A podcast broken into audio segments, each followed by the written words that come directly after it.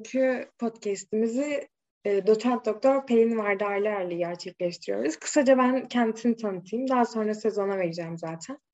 Kendisi Uludağ Üniversitesi Çalışma Ekonomisi ve Endüstri İlişkileri mezunudur. Bahçeşehir Üniversitesi Genel İşletmecilik Programı'nda yüksek lisansı, yüksek lisansını, Beykent Üniversitesi ise İşletme Yönetimi Doktora Programı'nı tamamlamıştır. ICF onaylı profesyonel koçluk belgesine sahiptir. 2018 yılındaysa yönetim ve strateji alanında doçent ünvanını almıştır. İstanbul Medipol, Medipol Üniversitesi'nde İnsan Kaynakları Yönetimi Bölüm Başkanı olarak görev yapmaktadır. Ayrıca kendisi 12 yıl özel sektörde insan kaynakları alanında çalışmıştır. Ee, merhabalar öncelikle Pelin Hanım, nasılsınız? Merhabalar Nesli, iyiyim teşekkürler. Sen nasılsın? Ben de iyiyim, çok teşekkür ediyorum. Ee, Öncelikle davet ettiğiniz için teşekkür ederim. Ben davetimizi kabul ettiğiniz için çok teşekkür ederim. Çok mutlu ettiniz bizleri. Kendi adıma öğrenciler, öğrenci arkadaşlarım adına. Ee, dilerseniz ben sorularla başlayayım. Tabii ki. Hı hı. Ee, ilk sorumuz biz hukuk öğrencileri için iş başvurularında dikkat etmemiz gereken noktalar nelerdir sizce? Hı hı.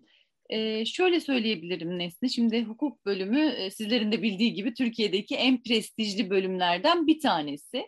E, hukuk bölümü mezunu olarak da hukukun her alanında çalışma şansınız bulunmakta. Avukat, savcı, hakim gibi mevkilerde de yükselebilme şansınız var.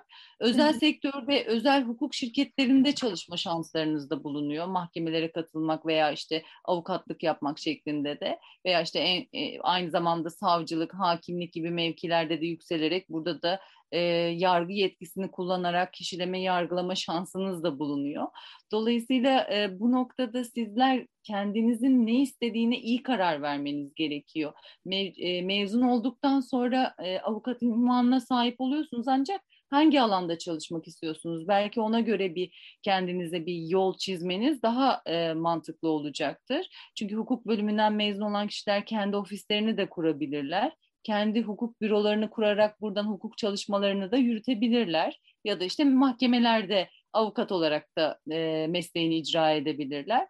Dolayısıyla çalışma alanlarını düşünmek lazım. Yani hangi çalışma alanında daha mutlu çalışabilirsiniz ve hani bu sizin için e, hangisi daha iyi olur çalışma alanı e, bunu belirlemeniz gerekiyor ki e, iş başvurularında da aslında doğru kanallardan doğru yerlere başvuru yapabilmeniz için ve iş başvuru sürecini de kolaylaştırmak için hani bu doğrultuda ne tür ihtiyaçlarınızın olduğunu, arzularınızın ne yönde olduğunu belirlemeniz gerekiyor. Yani meslek sahasını göz önünde bulundurmanızı ben tavsiye ediyorum.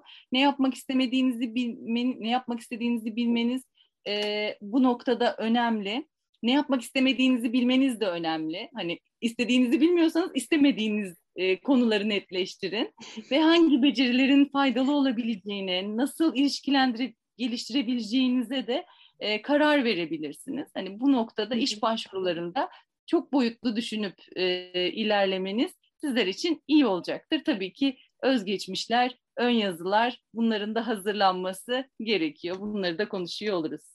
Evet. Diğer sorumuz bununla alakalı zaten. CV hazırlarken olmazsa olmaz olarak nitelendirebileceğiniz hususlar nelerdir? Hı hı. E, bu noktada şey de söyleyebilirim aslında hani başvuru yaparken dedik e, özgeçmişleriniz, ön yazılarınız bunları hazırlamanız gerekiyor ama şirketleri de araştırıp şirketlerin vizyonları, misyonları, politikalarını da okuyarak şirketin kişiliğini ve değerlerini de anlamaya çalışmak lazım. Hani başvurduğunuz, başvuru yapacağınız alanlarda hani e, kişilerden tavsiyeler de alabilirsiniz. E, dolayısıyla e, bu da size e, bir artı değer katacaktır. Ve CV'de e, olmazsa olmaz olarak nitelendirebileceğimiz hususlar CV'lerdeki sıralamalar aslında. Bilgilerin sıralanması, hani nereden başlayacağım, neleri yazmam gerekiyor bunlar önemli. Fotoğraf önemli, bunu hep söylüyoruz. Hani CV'nizde bir fotoğrafınızın olması gerekiyor. E, CV'deki sıralama konusunda ben biraz detaylı bilgi vermek istiyorum. Çünkü bu CV'lerde yapılan e, gördüğümüz sık hatalardan bir tanesi. Öncelikle CV'deki sıralama kişisel bilgiler, eğitim, iş deneyimi, beceriler, ilgi alanları ve referanslar şeklinde ilerlemesi gerekiyor.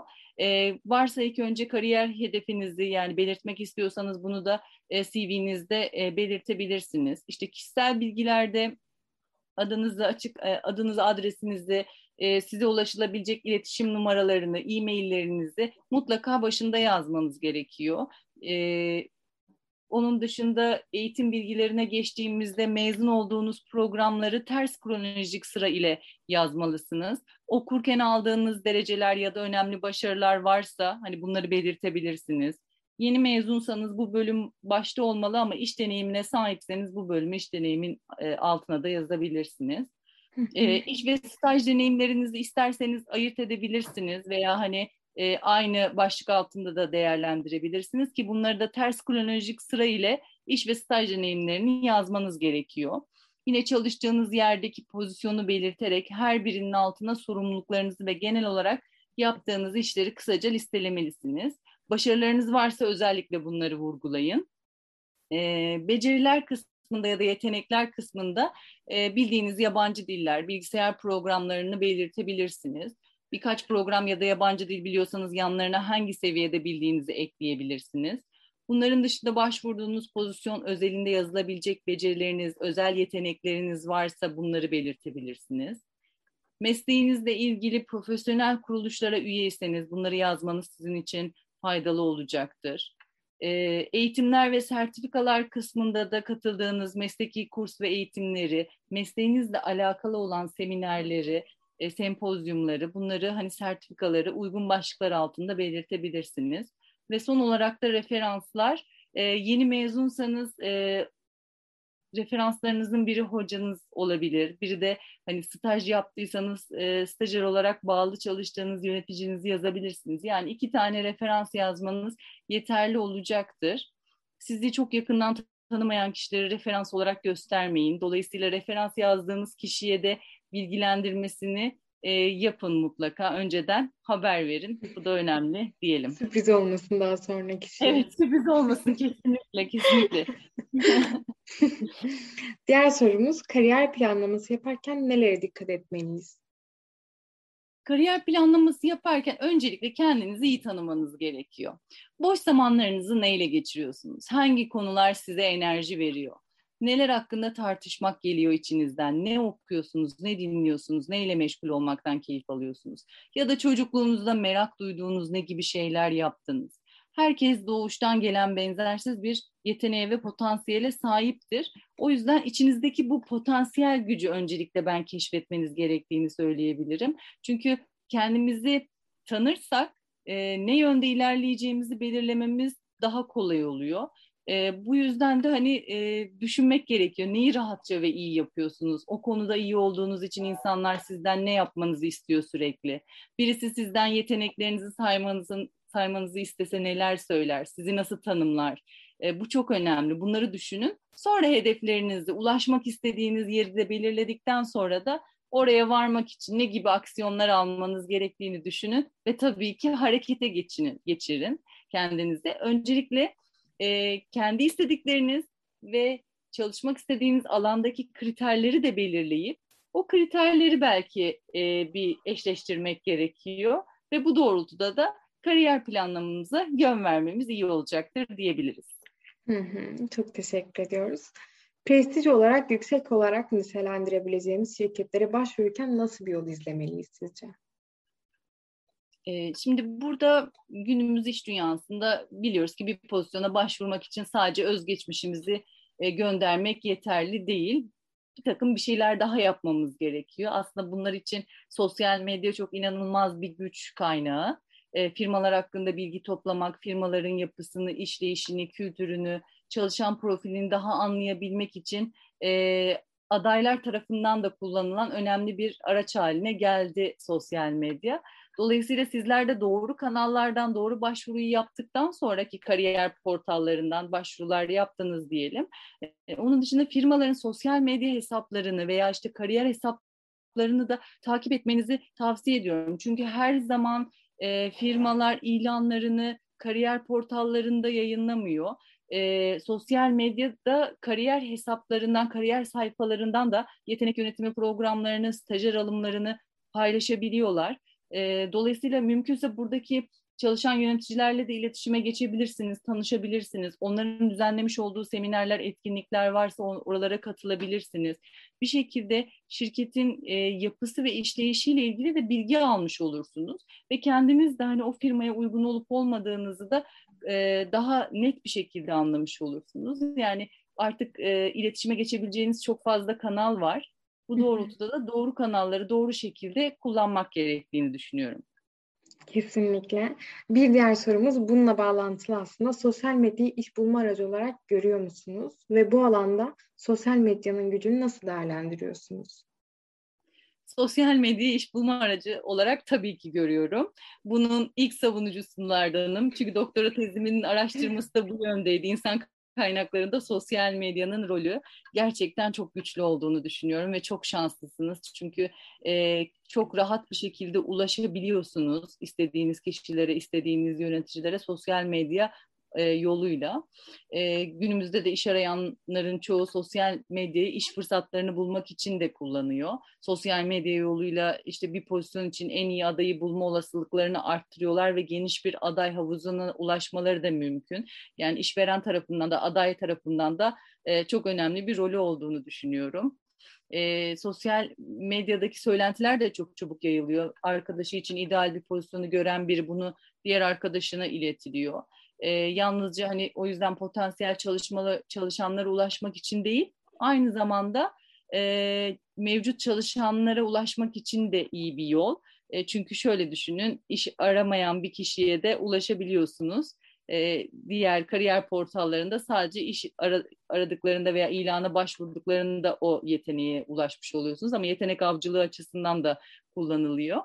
Dolayısıyla sosyal medya günümüz dünyasında insan kaynaklarını da içine almış ve e, stratejik politikalara yön vermeye başlamış. Özellikle mesela diyelim ki her sosyal e, medya ağının kendine özgü özellikleri ve işe yarayacak uygulamaları var ama bunları doğru bir şekilde kullanmamız gerekiyor. İşte biz iş ararken de örneğin LinkedIn diğer sosyal medya platformlarıyla karşılaştırdığımızda e, LinkedIn daha profesyonellere yönelik bir ağdır. E, burada hani daha çok şirketleri daha rahat takip edebilirsiniz. E, içeriğin büyük bir bölümü işle ilgili çünkü. Sektörünüzdeki kişilerden oluşan bir ağ kurmak için de kişileri takip edebilir veya diğer profesyonel kişilerle de bağlantı kurabilirsiniz. Böylece mesleğiniz ve alanınızdaki en iyi işverenler hakkında daha fazla bilgi sahibi olursunuz. Ee, bu yüzden de hani sosyal medyanın gücünü kullanmak gerekiyor. Tabii bu e, buralarda profil oluştururken de dikkat etmemiz gereken kısımlar var. Çok kısa onları da söyleyeyim. Özellikle hani seçtiğiniz profil resmi profesyonel olmalı, şık bir vesikalık fotoğraf kullanmalısınız tıpkı CV'nizdeki gibi. İşte profilinizde verdiğiniz bilgilerin doğruluğundan emin olmanız gerekiyor. Açık bilgilerin doğrulanması kolay, bunu unutmamamız lazım.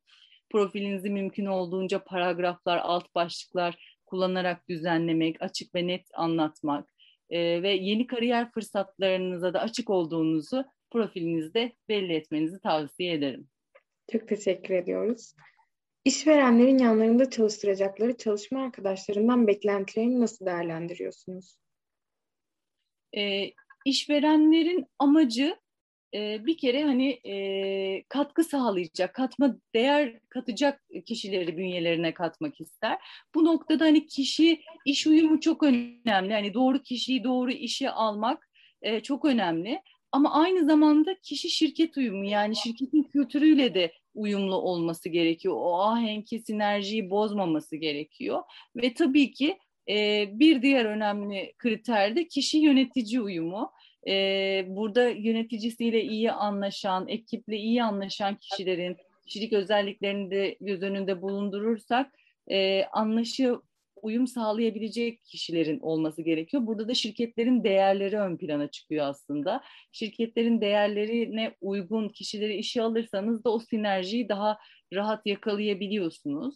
Ee, burada da işverenin beklentileri işte bizim için neler yapabilir, bilgi ve yetenekleri yeterli mi, kişisel özellikleri neler, işe uygunsa diğer adaylardan üstünlüğü var mı, işe almak istiyorsak da istediği şartları sağlayabilir miyiz? şeklinde değerlendiriyor. O yüzden hani tek e, bir kriter üzerinden değil de aslında birkaç kriter üzerinden değerlendirme yapılıyor.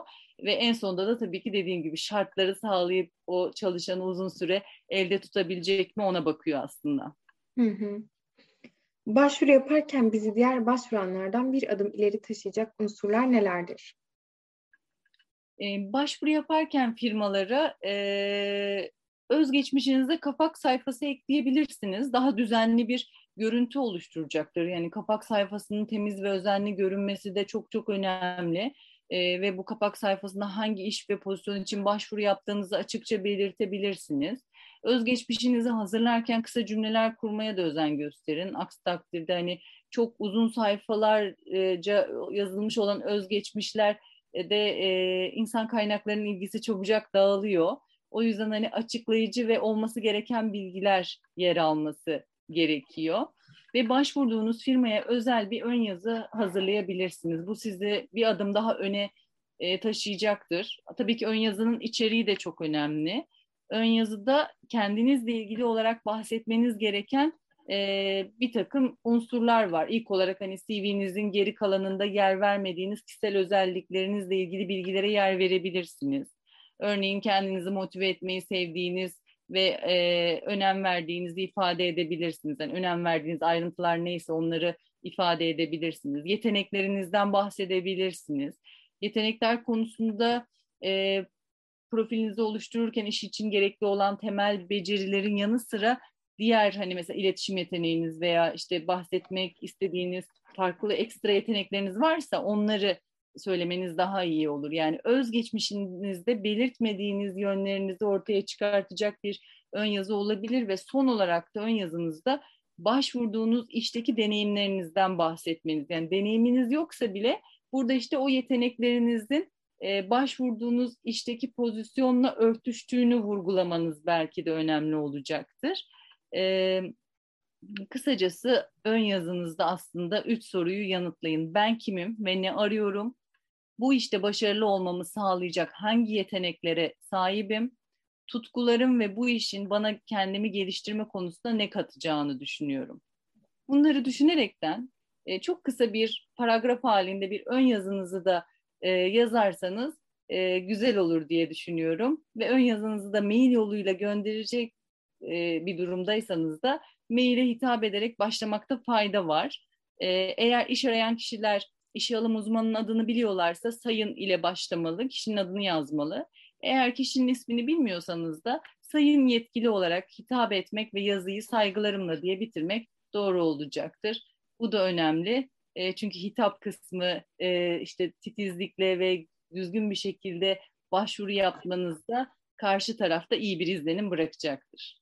Hmm, çok teşekkür ediyoruz. Kariyer kavramı sizin için hayatınızın neresinde? kariyer e, benim yaşam amacım belki de ama öncelikle kariyer kelimesini tanımlayalım birlikte. Kariyer bilgi, deneyim, beceri ve davranışların toplamı aslında bir ilerleme anlamına geliyor. E, bireyin de yaşamı boyunca üstlendiği işlerin tümüdür diyebiliriz ve kişinin yaşamı boyunca yapmak istediği görevleri, ulaşmak istediği amaç ve pozisyonları Kariyer planlaması da bu sürecin planlaması anlamına geliyor. Benim için kariyer harika iş, harika kariyerdir. Ama bu herkese göre değişir. Bu yüzden herkesin kendisine sorması gereken soru şudur aslında. Şu anki kariyerinizi harika kariyer olarak nitelendirir miydiniz? Ya da e, harika kariyerin tanımı sizin için nedir? Bunu düşünmeniz gerekiyor. Birazcık hani e, düşündürtücü sorulardır bunlar. E, çünkü herkesin harika bir kariyeri olabilir. Ne tür bir iş yaptığı fark etmeden e, herkesin harika bir kariyeri olabilir.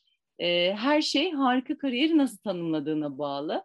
Benim için harika kariyer değerlerimle örtüşen bir işi yapmam, işimi severek, eğlenerek yerine getirmem. Benim değerlerim paylaşmayı seviyorum, öğrenmeyi seviyorum, öğretmeyi seviyorum, yardımlaşmayı seviyorum. Dolayısıyla kendi mesleğimle e, örtüşen e, değerlerim olduğu için de mutluyum. E, ancak harika kariyeri olan kişiler özel bir katkı sağlayabilirler. Mesleklerinde de bir adım öne çıkabilirler. Bunu düşünüyorum. Ünvanı ya da mesleği ne olursa olsun herkes bunları yapabilir. E, önemli olan burada ne istediğimizi bilmek ve harika kariyerin bizim için ne anlam ifade ettiğini bulmak aslında. Kesinlikle. Mülakat sırasında bize sorulan sorulara vereceğimiz cevaplarda yaptığımız hatalar nelerdir? Tavsiyeleriniz nedir bu konuda? Mülakat sırasında e, evet aslında bazen o kadar iyi adaylar çok basit hatalar yapıyorlar ki hani biz bu süreçte eliyoruz ve gerçekten üzülüyoruz.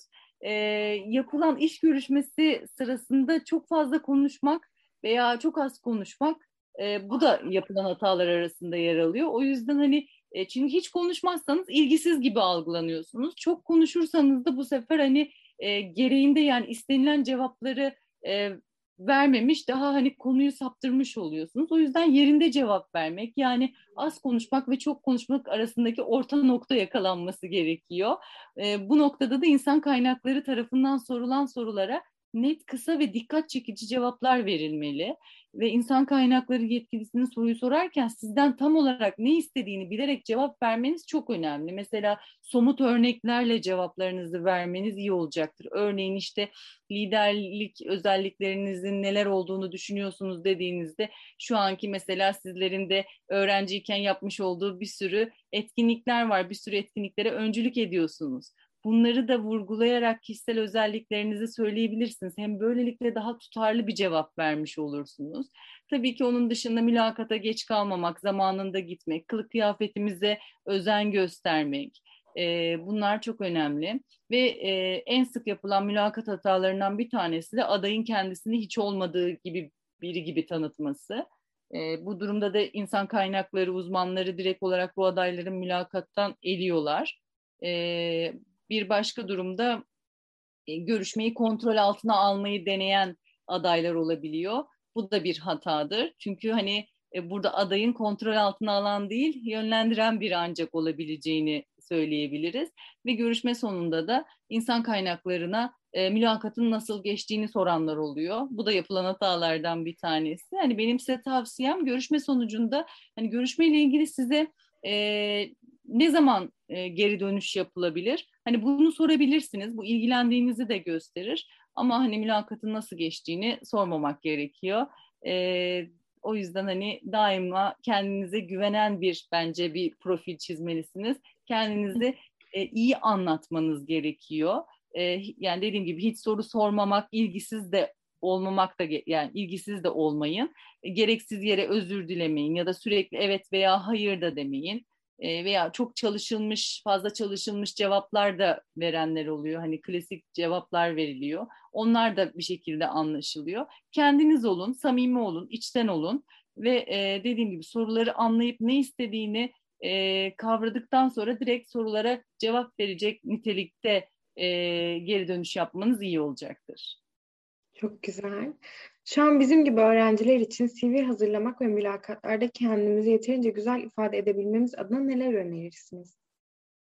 Şimdi öncelikle özgeçmişiniz yaptığınız her şeyi anlatacağınız bir yazı değil. İşe girebilmeniz için o işe uygun özelliklerinizi ve başarılarınızı öze, özetleyen bir sunuştur.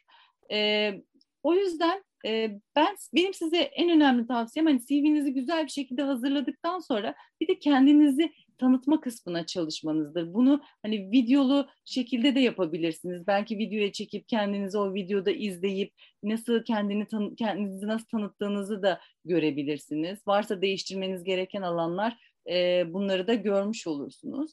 E, onun dışında öyle bir sunum olmalıdır ki işveren sizi görüşmeye çağırabilmelidir. Yani bu çünkü dediğim gibi artık hani videolu şekilde tanıtımlar da istenebiliyor veya özgeçmiş de istenebiliyor sizden. Dolayısıyla sizin kendinizi en iyi şekilde anlatmanız gerekiyor. Güçlü yönlerinizi öne çıkartacak şekilde, başarılarınızı vurgulayacak şekilde kendinizi anlatmanız gerekiyor.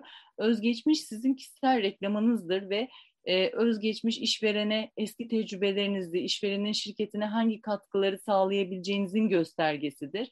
Bunun için her şeyi, tüm yeteneklerinizi, e, hobilerinizi yazmak yerine en etkili olacakları yazmak daha uygun olacaktır. E, ve e, mülakatlarda da işin özellikleriyle kendi özelliklerinizi karşılaştırmanızı tavsiye ederim. Başvurduğunuz yere özel bir özgeçmiş de hazırlayabilirsiniz. Başvurulan işletme hakkında araştırma yapmak, başvuru yaptığınız firmanın e, dediğim gibi hani çalışma ortamı, çalışan profili bunları da araştırmanız sizin için iyi olacaktır. Hizmeti, hizmet alanı e, ve hani tüm detaylarıyla e, bir araştırma yapmanızı tavsiye ederim. İşletmeyle temas noktaları oluşturmak ve tabii ki başvurduğunuz pozisyonla ilgili iş tanımının, görev ve sorumluluklarının ve yetkinliklerinin ne olduğunu e, iyice e, bakmanız gerekiyor görüşmeye hazır olmanız açısından, görüşmede size gelebilecek sorulara da hazırlık yapmanız açısından. Dolayısıyla sizin e, mülakat bir ikna etme sanatıdır. Karşı tarafa ikna etmeye çalışıyorsunuz kendinizi. Dolayısıyla ben bu işi yapabilirim, ben bu işi istiyorum, ben bu işe ve firmaya uyum sağlayabilirim, ben bu işe artı değer katar verimlilik sağlarım mesajını vermemiz gerekiyor diyebilirim. Her şey için çok teşekkür ediyoruz sorularımızı yanıtladığınız için. Sizin eklemek istediğiniz, biz öğrencilere söylemek istediğiniz şeyler varsa zevkle dinleriz. Ben teşekkür ediyorum. Ben herkesin kariyer yolunun açık olmasını diliyorum. Umarım herkes sevdiği, faydalı olabileceği meslekte en iyisi, elinden gelenin en iyisini yapar diyorum. Teşekkür ediyorum.